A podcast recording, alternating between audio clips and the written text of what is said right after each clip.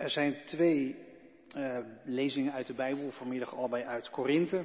Een stukje uit 1 Korinthe 10 en 1 Korinthe 11, twee gedeelten waarin Paulus, uh, de christen in Korinthe, schrijft over avondmaal vieren. 1 Korinthe 10, vanaf vers 14. Om deze reden moet u, geliefde broeders en zusters, u verhouden van afgodendienst. Ik spreek tot verstandige mensen, dus u kunt, wat ik nu zeg, naar waarde schatten. Laat de beker waarvoor wij God loven en danken, ons niet delen in het bloed van Christus. Laat het brood dat wij breken ons niet delen in het lichaam van Christus. Omdat het één brood is, zijn wij, hoewel met velen, één lichaam. Want wij hebben allen deel aan dat ene brood. Kijkt u eens naar het volk van Israël. Is het niet zo dat allen die van de offers eten deel hebben aan de altaardienst? Wat wil ik met dit alles zeggen? Dat vlees dat een afgoden geofferd is, bijzondere betekenis heeft? Of dat afgoden werkelijk iets voorstellen? Dat niet. Maar wel dat offers aan afgoden offers aan demonen zijn en niet aan God. En ik wil u niet, en ik wil niet dat u zich inlaat met demonen. U kunt niet drinken uit een beker van de Heer en ook uit die van demonen. U kunt niet deelnemen aan de maaltijd van de Heer en ook aan die van de demonen. Tweede lezing is 1 Korinthe 11 vanaf vers 17. Nu ik u toch aanwijzingen geef, ik kan u niet prijzen om uw samenkomsten. Die doen meer kwaad dan goed. Om te beginnen, ik hoor dat er bij u samenkomsten in de gemeente verdeeldheid heerst. En tot op zekere hoogte geloof ik dat ook. Het is onvermijdelijk dat er partijvorming onder u is, zodat duidelijk wordt wie van u betrouwbaar is. Maar bij uw samenkomsten is nu geen sprake van een maaltijd van de Heer. Bij de maaltijd die u houdt, zorgt iedereen alleen voor zichzelf, zodat de een honger heeft en de ander dronken is. Hebt u soms geen eigen huis waar u kunt eten en drinken? Of veracht u de gemeente van God en wilt u de armen onder u vernederen? Wat moet ik hierover zeggen? Moet ik u soms prijzen? Op dit punt zeker niet. Want wat heb ik ontvangen en aan u heb doorgegeven, gaat terug op de Heer zelf. In de nacht waarin de Heer Jezus werd uitgeleverd, nam hij een brood, sprak het dankgebed uit, brak het brood en zei, dit is mijn lichaam voor jullie. Doe dit, telkens opnieuw om mij te gedenken.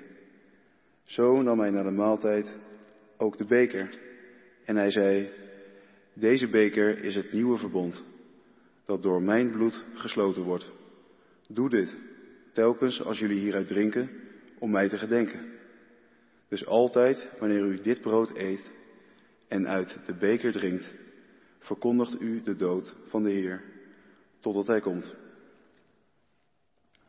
Daarom maakt iemand die op onwaardige wijze van het brood eet en uit de beker van de Heer drinkt, zich schuldig tegenover het lichaam en het bloed van de Heer. Laat daarom iedereen zichzelf eerst toetsen, voordat hij van het brood eet en uit de beker drinkt. Want wie eet en drinkt, maar niet beseft dat het om het lichaam van de Heer gaat, roept zijn veroordeling over zich af. Daarom zijn er onder u vele zwakke en zieke mensen, en zijn er al vele onder u gestorven. Als wij onszelf zouden toetsen, zouden wij niet worden veroordeeld. Maar nu velt de Heer zijn oordeel over ons en wijst Hij ons terecht, opdat we niet straks samen met de wereld zullen worden veroordeeld. Daarom, broeders en zusters, wees gastvrij voor elkaar wanneer u samenkomt voor de maaltijd. Wie honger heeft, kan beter thuis eten. Dan leiden uw samenkomsten tenminste niet tot uw veroordeling. De overige zaken zal ik regelen wanneer ik kom. Dit is het woord van God. Gemeente van Christus, broeders en zusters. Het gaat vanmiddag dus over het avondmaal. Misschien even voor uh, gasten in ons midden of gasten die meekijken. Uh, dit is de laatste dienst in de serie kerndiensten. Dat waren tien diensten afgelopen seizoen. Waarin elke dienst iets werd uitgelegd over de kern van het geloof. En dit seizoen hebben we tien keer iets besproken wat gebeurt in een zondagse dienst, in de liturgie in het programma, om het zo te zeggen. Dus het Bijbellezen of de zegen aan het eind, doop en vandaag dus avondmaal. Dus ik hou geen gewone preek. Uh, ja, ik hou wel een preek, maar een preek met in elk geval veel uitleg. Uh, in onderscheid van andere preken. En vanmiddag dus veel uitleg over het avondmaal. We, we gaan het volgende doen vanmiddag. Ik, ik wandel eerst langs ja, gewoon een aantal inhoudelijke dingen. Waar komt dat avondmaal nou vandaan? Wat doe je eigenlijk als je het viert? Um, wanneer vier je het? Uh, wat is de bedoeling? Uh, wie, wie is er welkom? En dat laatste punt, wie is er welkom, dat loopt uit op een toelichting op die twee Bijbelgedeelten die we vanmiddag lazen uh, uit Korinthe. Uh, je hoorde al wellicht, dat zijn stukjes uit een brief. Paulus, een, een, leerling van Jezus, die heeft in begin jaren 50 van deze eeuw een brief geschreven aan christenen in Korinthe. Omdat in die gemeente, kleine gemeenschap, misschien 50 mensen of zo, omdat er heel veel mist was. Heel veel gedoe. Ze vonden zichzelf fantastisch, echt een soort supergelovigen. Maar er was heel veel aan de hand. En ook rondom het vieren van avondmaal. Nou, daar kom ik straks op. Eerst maar eens eventjes uh, uitleg over het avondmaal, uh, de punten die ik net dus noemde. Uh, waar komt het vandaan, het avondmaal? Misschien weet je het, misschien ook niet. Het is iets wat Jezus heeft ingesteld. Hij deed het het eerst. Terwijl ze eigenlijk iets anders aan het doen waren op de, op de, de laatste avond voordat Jezus werd gearresteerd, had Jezus een zaal afgehuurd in Jeruzalem om daar het Joodse paasfeest te vieren. En als je dat paasfeest viert, dan hou je een maaltijd met een hele ritueel daaromheen. Je drinkt uit een beker bij de opening van die maaltijd. Er zijn bittere kruiden waar je vlees of brood in doopt. En die bittere kruiden waren een herinnering aan de ellende van de slavernij die ze eeuwen geleden hadden meegemaakt in het land Egypte. Want bij het paasfeest vieren Joodse mensen nog steeds de bevrijding uit Egypte. Ver voor onze jaartelling vond dat plaats. Bij die maaltijd vraagt op een gegeven moment de jongste van de aanwezigen Waarom doen wij dit? Waarom zitten we hier bij elkaar? En dan wordt vervolgens het verhaal van die bevrijding verteld. Wij waren slaven in Egypte. We werden bijna uitgemoord. Maar de Heer heeft ons bevrijd op een wonderlijke manier door de zee heen naar de overkant, naar Gods toekomst. Dat verhaal werd verteld. En dan niet zomaar als een verhaal van lang geleden. Het werd zo verteld alsof het vandaag plaatsvond. Waarom? Omdat dat verhaal ook ging over de mensen nu. Je bent nog steeds iemand die bevrijd is door God om te leven op de oever van Gods toekomst. Nou, dat gebeurde allemaal tijdens die maaltijd. Uh, er werd nog een beker uh, gedronken, een tweede beker. Er werd brood gebroken en gegeten. Paaslam werd gegeten. Op een gegeven moment werd er een beker van lof omhoog geheven en werd er een lofzegging, een prijzen van God gedaan en werd daar uit die beker gedronken. En dan zongen ze een aantal psalmen en dan nog een beker tot slot van die maaltijd. Jezus deed dat met zijn leerlingen, dat deden Joodse gelovigen. Heel bijzonder voor hen, maar op zich niks bijzonders. Ik bedoel, dat deden ze elk jaar met paasfeest. Alleen gebeurde er tijdens deze viering van het paasfeest iets vreemds. Jezus gaf aan twee onderdelen van dat lange ritueel opeens een heel andere betekenis. Eh, bij, die, bij dat brood wat gebroken werd, dat was brood zonder gist, brood wat onderweg goed blijft als je op reis gaat, als je bevrijd wordt en je gaat op weg. Bij dat brood zei Jezus opeens tegen zijn leerlingen toen hij het brak in stukken, dit is mijn lichaam. En dat gaf hij aan zijn leerlingen. Een, een hele schokkende onderbreking van het ritueel wat ze kenden en wat altijd plaatsvond. Dat Jezus op zei, dit, dit ben ik. Ik breek mijzelf en ik deel mijzelf aan jullie uit. Heel, heel wonderlijk. Ze hebben dat ook vast niet begrepen op dat moment. Het, het ging over Jezus dood, die kort daarna zou plaatsvinden. Maar dat, dat begrepen ze vast nog niet op dat moment. En bij, bij die beker met die lofprijs aan God zei Jezus opeens dat die beker en die wijn, dat dat zijn bloed was. Zijn leven. Wat hij gaf voor zijn leerlingen.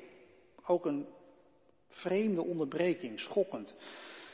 Het wordt in uh, drie evangeliën verteld, drie evangelieboeken, Matthäus en Marcus. En ook in Lucas. En de versie van Lucas die lijkt heel erg op wat Paulus schrijft over het avondmaal. Dat Jezus die beker neemt en dat brood breekt. Dus wat Jezus doet is, is die, dat exodus gebeuren, die bevrijding door het onmogelijke heen, door de dood heen, dat Jezus die op zichzelf betrekt. Eh, op wat hij gaat doen, op zijn sterven en opstaan. Dat hij zich gaf voor zijn leerlingen, voor ieder die bij hem hoort, om hen het leven te geven.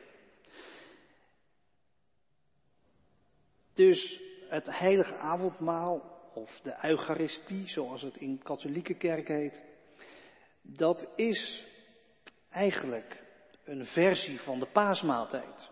Die Joodse mensen vieren, maar dan dus toegepast op Jezus. Het gaat over een bevrijding van mensen die bij Jezus horen, dwars door het onmogelijke heen. Door het onmogelijke van jezelf heen, door het falen van jezelf heen, zelfs dwars door de dood heen. Onvoorstelbaar. Dat, dat vier je allemaal met dat avondmaal. Het gaat over Pasen. Nou, daar komt het dus vandaan. En ik kom er zo direct nog wel op, maar dat zijn die leerlingen van Jezus dus ook gaan doen. En vanaf het eerste begin, aan het begin van onze jaartelling, tot vandaag aan toe. In, in alle kerken. Kerken met wierook, kerken met een band, maakt niet uit welke kerken, waar ook ter wereld. Overal wordt dit gedaan. Op verschillende manieren soms, maar altijd met brood en wijn, of druivensap en brood omdat Jezus dat dus ooit in gang heeft gezet. Heel, heel bijzonder eigenlijk dat, dat wat wij vandaag doen, dat dat ja, 2000 jaar gebeurt al. En, en, dat je daarmee dus in een hele lange stoet van, van leerlingen van Jezus staat, die, die dat allemaal hebben gedaan. En wat, wat gedaan, wat, dat is het tweede puntje, wat doe je dan als je avondmaal viert? Je doet drie dingen als je avondmaal viert. Je gedenkt, je viert de gemeenschap en je kijkt vooruit. Ik zal het toelichten. toelichten. Het eerste wat je doet en wat Jezus zelf ook noemt, dat is gedenken. Dat is in het Nederlands altijd een beetje lastig om, om te begrijpen. Bij gedenken denken wij aan herinneren. Iets, iets wat voorbij was en nooit meer terugkomt daar, nou ja, dat herinneren wij ons. Of we zetten er een fotootje van iemand bijvoorbeeld neer of van een gebeurtenis, maar dat is voorbij, verleden. Maar in de Bijbel, en zeker in, in deel 1, waar deel 2 over Jezus op gebaseerd is, de Hebreeuwse Bijbel, daar is gedenken veel meer dan, dan herinneren. Eh, wat je gedenkt, dat bestaat. Dat, dat wordt werkelijkheid voor je. En wat je niet gedenkt bestaat niet meer.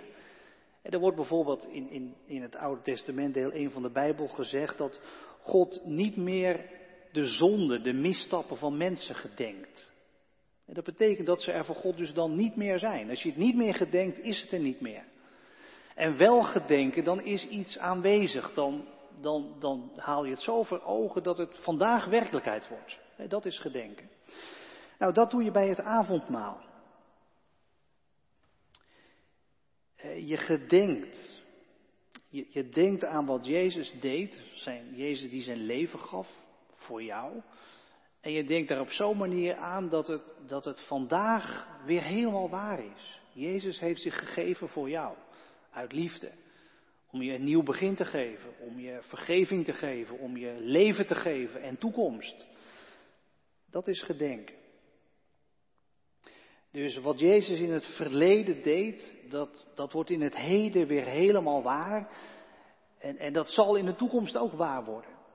Verleden, heden, toekomst, eigenlijk bij zo'n avondmaalverwering komt het allemaal bij elkaar. Het, het is er allemaal. Je laat helemaal tot je doordringen. Wat Jezus deed is vandaag waar voor mij. En het zal waar zijn in de toekomst. Nou, dat is één, gedenken. Twee, je viert gemeenschap. Allereerst met Jezus, dat je bij Jezus hoort.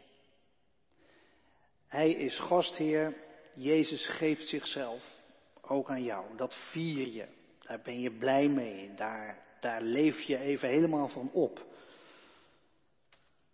En christenen geloven ook dat, dat Jezus er echt is bij zo'n viering. Misschien weet je wel dat christenen dat, dat verschillend invullen. Christenen van rooms-katholieke achtergrond die, die geloven dat Jezus echt letterlijk aanwezig is, dat brood echt lichaam wordt. Ja, niet van de buitenkant, maar aan de binnenkant. Dat wijn echt bloed wordt van binnen, zal ik maar zeggen. Dat Jezus daar echt letterlijk is. Protestanten zoals wij denken daar iets anders over. Wij denken dat Jezus er echt is. Niet omdat in dat brood en die wijn iets verandert, maar omdat door de geest van God Jezus er echt is. Als dat brood gebroken wordt en die wijn ingeschonken en je, je, neemt een stukje en je proeft van die wijn, dan is Jezus er echt helemaal door de geest van God. dus dat is een iets andere, iets anders, een andere uitleg daarvan, maar, maar wat erachter zit, dat, dat is hetzelfde. Dat, dat, dat je viert dat Jezus er echt is. Op dat moment, nu. Jezus is er en je hoort bij Hem. En je viert ook dat je bij elkaar hoort. Ik, ik denk dat dat echt, echt helemaal uniek is voor de christelijke kerk. Zo'n zo'n soort viering. Mensen van compleet verschillende achtergronden, soms ook mensen die elkaar in het dagelijks leven misschien helemaal niet tegen zouden komen, omdat ze in verschillende culturele kringen zitten. Mensen die super gestudeerd hebben en mensen zonder opleiding, mensen die net kunnen rondkomen tot de grootste rijkaards. Alle soorten mensen. Wat voor achtergrond je hebt, wat voor cultuur, die, die vieren dat ze bij elkaar horen. Waarom? Omdat ze samen bij Jezus horen.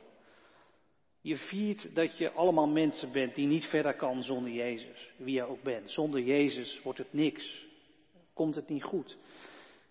En omdat je bij Jezus hoort, hoor je bij elkaar. Dat is, dat is eigenlijk best revolutionair. Dat, dat vlakt dus heel veel verschillen uit. In onze cultuur is er een hele strijd gaande over inclusiviteit, diversiteit omdat dat allemaal niet goed gaat. En daar is ook veel op te verbeteren. Daar ben ik heus wel eens met, uh, met mensen in onze cultuur. Maar in, in de christelijke gemeente hoeven we daar dus niet uh, een of andere uh, beambte over aan te stellen die dat gaat organiseren. Wij vieren dat hier. Wie je ook bent, omdat je bij Jezus hoort, horen wij bij elkaar. Snap je? Dat is echt uniek. Iets om te vieren. Nou, dat is dus twee. Dus avondmaal vieren, je gedenkt, je viert dat je bij Jezus hoort en bij elkaar. En, en bij dat bij elkaar horen, je, je viert dat je bent wat je eet, zou je kunnen zeggen. dat, brood, Jezus zegt, dat is mijn lichaam. In deel 2 van de Bijbel staat ook dat wij leerlingen van Jezus het lichaam zijn van Jezus. dus wat je eet, het lichaam van Jezus, dat ben je ook. Eén lichaam, één eenheid. Met verschillende onderdelen. Het derde wat je doet bij avondmaal vieren, dat is de verwachting voeden. Je viert dat Jezus er is, dat je bij Jezus hoort, door de geest van God. Maar ja, je ziet Jezus niet. Ja, je ziet brood en wijn en, en dat proef je, maar, maar Jezus die je, die je aankijkt en met wie je oogcontact maakt, dat zo, zo niet, zo concreet. dat, dat verwacht je nog, daar hoop je nog op, dat Jezus terugkomt en Gods toekomst aanbreekt. Dus als je avondmaal viert, dan, dan, dan heb je ook een oogje omhoog, zal ik maar zeggen. Dat je, dat je wacht op meer, meer aanwezigheid van Jezus. Complete aanwezigheid van Gods nieuwe toekomst. Dus avondmaal vieren is ook je verwachting oefenen in wat nog komt. En daarbij, een maaltijd is in de Bijbel ook beeld van de toekomst van God. Hoe moet je je Gods toekomst voorstellen? Als een maaltijd.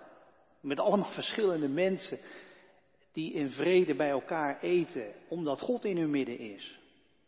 Die een goed gesprek hebben en goede wijn, goed voedsel. Van wie de tranen van de ogen worden afgewist, omdat God er is, omdat Jezus er is. Dat is, dat is een beeld in de Bijbel wat meerdere malen voorkomt van Gods toekomst, maaltijd. Dus daarom is avondmaal vieren ook vooruitkijken naar Gods toekomst.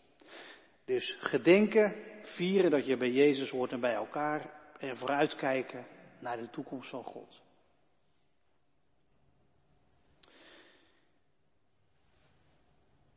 Als je nou denkt, ik wou dat ik een handout had waar dit ook allemaal op stond, uh, realiseer ik me nu, die had ik natuurlijk best kunnen maken. Ja. Maar stuur me even een mailtje van de week, dan stuur ik je gewoon wat ik hier op papier heb gezet. Ja, dan kun je nog even nalezen.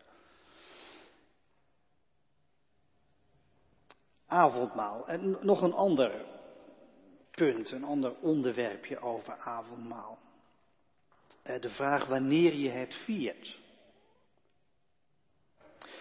In Handelingen 2 kun je lezen dat de leerlingen van Jezus volharden in het breken van het brood bij elkaar thuis.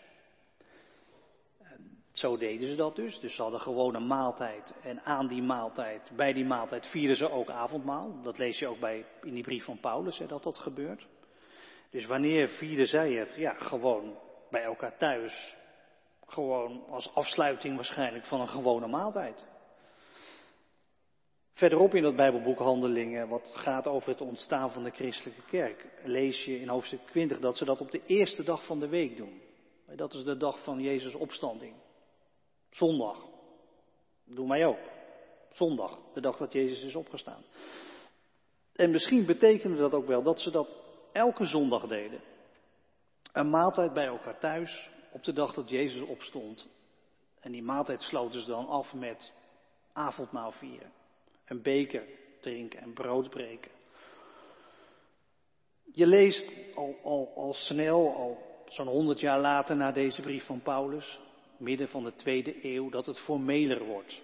dat die bijeenkomsten ook in aparte gebouwen worden gehouden, in kerkgebouwen. Dat het meer kerkdiensten worden en dat in die kerkdiensten dan zo'n avondmaalsviering is als ritueel.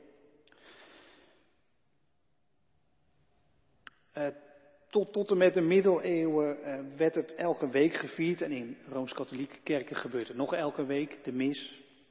Maar in de middeleeuwen deden niet alle gelovigen altijd mee.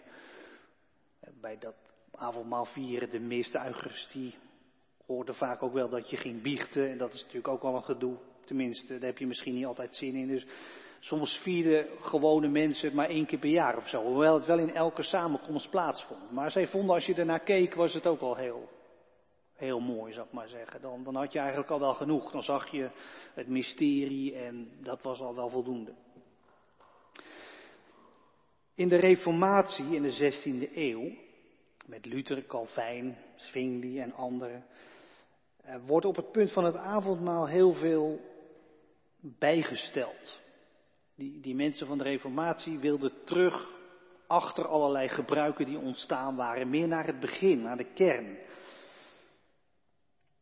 Um, in die Reformatie hebben ze als ideaal gehad, Calvijn had dat in elk geval, om het ook elke week te vieren, maar dat, dat ging eigenlijk niet goed.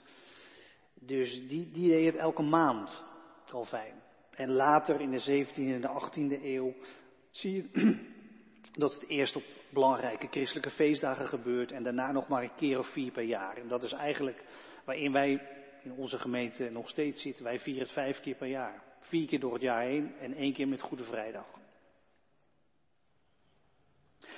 En waarom? Waarom doe je dat? Dat avondmaal vieren? Wat is het doel van dat gedenken gemeenschap vieren, vooruitzien. Nou ja, het doel is dat je geloof sterker wordt.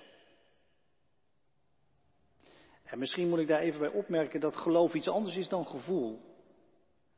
Dus het is niet zo dat je als je avondmaal viert per se iets moet voelen of dat je heel veel voelt. Dat kan. En dat is ook mooi. Maar dat is niet per se noodzakelijk. Je geloof wordt sterker. Dat is de bedoeling. Je, vertrouwen op God. Dus dat brood en die wijn, het zijn symbolen, tekenen die laten zien dat Jezus zich aan jou gegeven heeft. Dat jij nog een keer opnieuw kunt beginnen. En, en nog een keer opnieuw kan proberen. Dat je zonder vergeven worden. En dat je bij God mag horen en bij elkaar. En eh, bij zo'n viering laat je dat gewoon nog eens een keer tegen je zeggen. En je laat het nog eens goed bij je doordringen. Dat je het weer helemaal weet. Zodat het je, je doen en laten weer gaat beïnvloeden. Weet je wel, dat, dat is genoeg. En of je dan heel veel voelt of heel weinig. Eh, dat is eigenlijk niet zo belangrijk. Je proeft het. Het is waar. Ik mag bij Jezus horen. En, en je leeft het weer uit.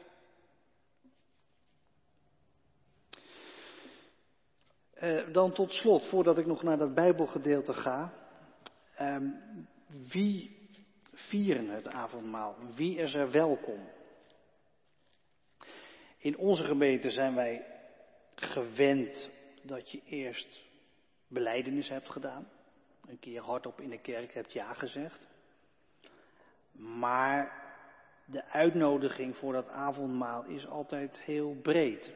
Wij zeggen hier altijd, je bent welkom als je van Jezus houdt en als je zijn naam beleidt.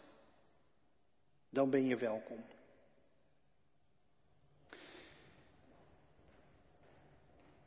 Eh, bij sommige eh, christenen, zeker in de traditie van, van ons protestantisme, eh, is er ook een terughoudendheid.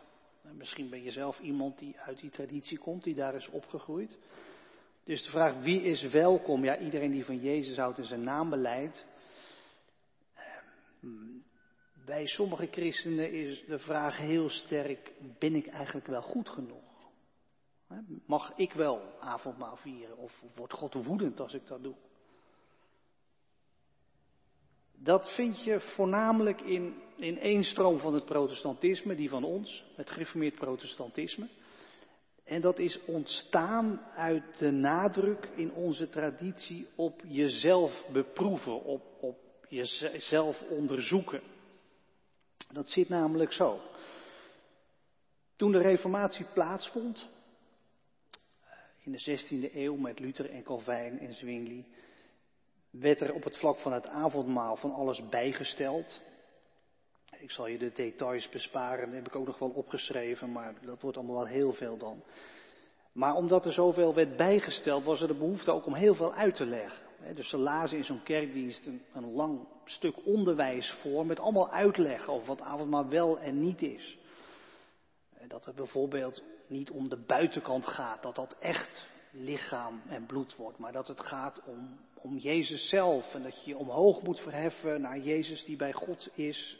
nou ja, dat het niet gaat om wat jij aan offer brengt, om wat jij sowieso bij God inbrengt, dat het granade is en voor niks. Al dat soort dingen. In dat onderwijs zit ook een stuk zelfonderzoek. Eh, misschien ben je daar wel mee opgegroeid met het voorlezen van eh, lange teksten met uitleg waarin ook altijd een stuk stond wat ging over jezelf beproeven. Of jij wel aan mag gaan aan dat avondmaal, of je wel mee mag doen. En daarbij had je dan ook een, een lijst met allemaal fout gedrag, ergelijke zonden heet dat. Uh, die werd voorgelezen. Dronkenschap, vreemdgaan, wat niet al. Uh, met als een soort conclusie, iedereen die zulke zondige dingen in zijn leven heeft, die, ja, die moet niet aangaan, die moet zichzelf bekeren. Die moet stoppen met fout gedrag en, en Jezus gaan volgen. Nou was dat, dat onderzoeken van jezelf niet bedoeld om mensen voor eens en voor altijd bij Jezus vandaan te duwen, maar juist om mensen die bij Jezus vandaan waren gedwaald en hem niet meer volgden, om die terug te roepen. Zodat ze dachten, ja dat is ook niet goed, dat ik die en die aan het bedriegen ben, daar moet ik mee stoppen. Ik, ik begin opnieuw, ik vraag vergeving, ik heb berouw en ik ga avondmaal vieren. Dat is, dat is de bedoeling van dat zelfonderzoek.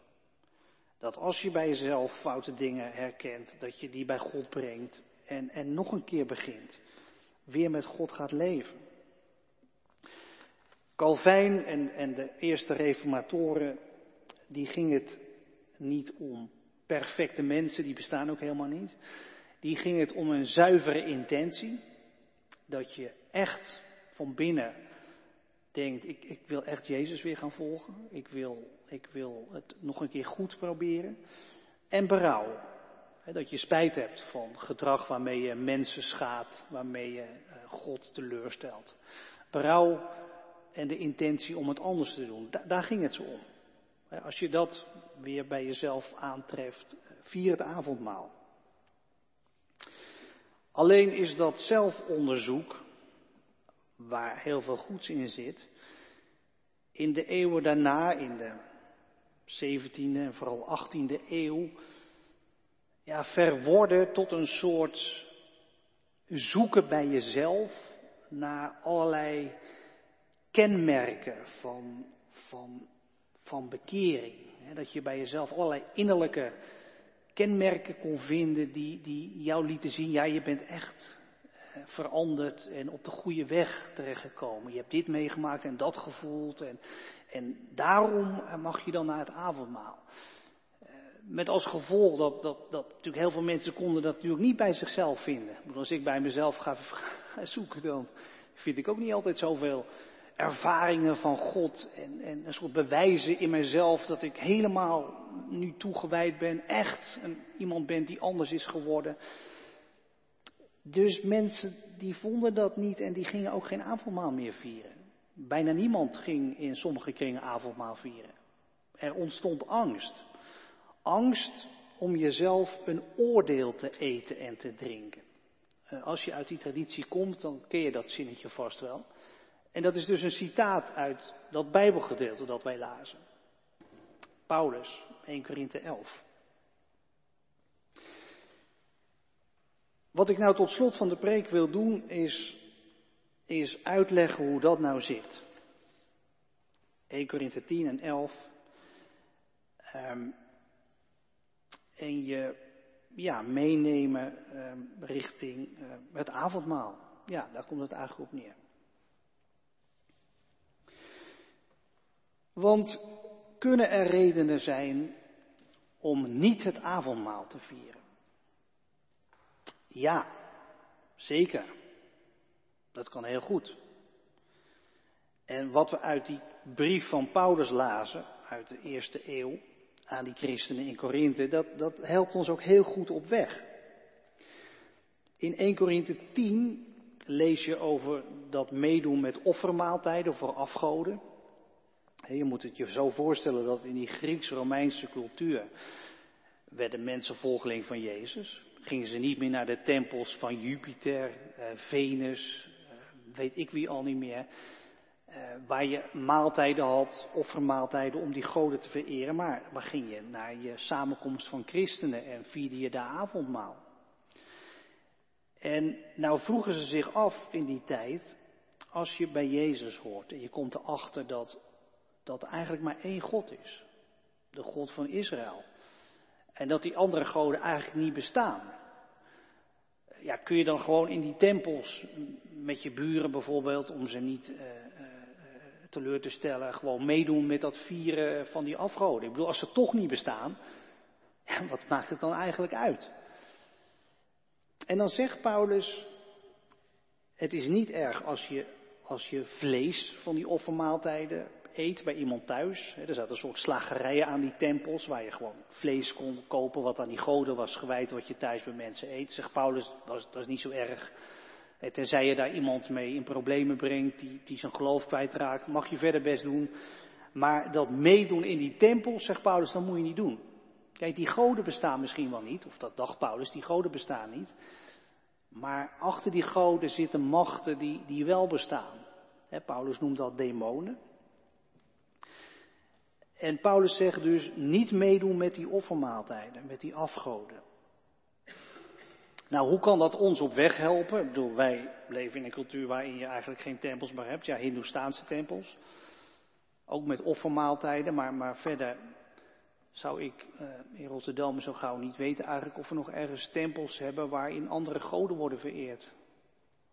Maar goed, daar hoeven we ook niet uh, over te filosoferen.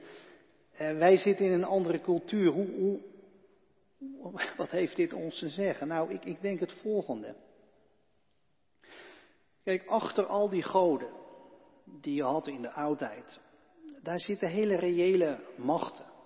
Vruchtbaarheid, gezondheid, seksualiteit, economie. Allemaal dingen die in het leven belangrijk zijn. Die goden die stonden daarvoor. God voor de vruchtbaarheid vertegenwoordigde vruchtbaarheid. En, en wie wil niet vruchtbaar zijn of productief of. He, dus je wijde je toe aan zo'n godheid in, in de hoop, in de verwachting dat je een productief leven zou kunnen leiden. Of dat je welvarend zou worden. Dus dat vereren van die goden, dat betekende dat je die machten zag als echt doorslaggevend voor jouw leven. En als, als machten waar je voor je leven echt op aan kunt. Uh, wij, wij leven ook in een wereld waarin je productief wilt zijn, en succes wilt hebben, en gezond wilt zijn, uh, waarin economie belangrijk is, en groei en welvaart, al die dingen als mens, ja, moet je ook leven. Al die dingen zijn belangrijk. Maar je moet ze niet vereren alsof het goden zijn.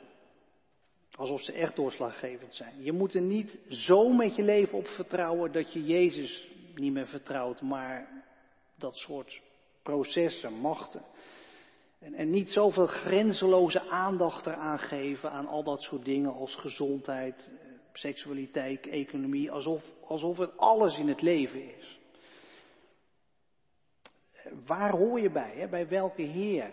Je hoort bij Jezus en Jezus is doorslaggevend. Dus wanneer geen avondmaal vieren, nou, als je merkt bij jezelf dat je eigenlijk, om een voorbeeld te geven, meer vertrouwt op wat jij kunt regelen in het leven. Aan verzekeringen of pensioenen of weet ik wat meer. Of wetenschap of in plaats van op, op God. Of, of dat jij op plekken leeft waar allerlei machtspelletjes plaatsvinden. En, en, je daar ook echt helemaal voor gaat. In plaats dat je God vereert en als, als de machtige ziet. Of dat je vastzit in een grenzeloze consumptie die de wereld kapot maakt, Gods schepping. En, en je daarbij blijft. Niet zorgt voor Gods wereld. Weet je, die lijsten met die zonden in die oude formulieren, daar zouden wij ook wel hedendaagse versies van kunnen maken. Dus als er bij jou iets zit waarbij je willens en wetens denkt, eh, oké, Jezus zegt mijn naaste liefhebben, maar ja, daar ga ik gewoon niet aan beginnen, want dat komt me niet uit. Uh, ik wil gewoon hard zijn om snel geld te verdienen en mijn naaste en Jezus, die bekijken het maar even. Kijk, als je dat bij jezelf denkt en je blijft daarbij, ja, dan moet je geen avondmaal vieren. En wat, wat is nou gekker dan zeggen, ik hoor bij Jezus. Ik wil doen wat hij, hij vraagt, hè, dat vier ik vandaag.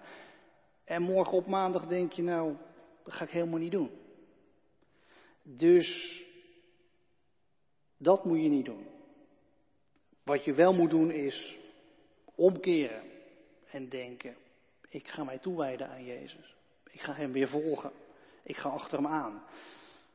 En dat is genoeg. Dan vier je avondmaal. En dan ga je dat morgen proberen handen en voeten te geven. Dat is 1 Korinthe 10. Tot slot nog eventjes 1 Korinthe 11. Eh, met die tekst daarin dat je jezelf een oordeel eet en drinkt. Dat staat in vers 29 van dat hoofdstuk.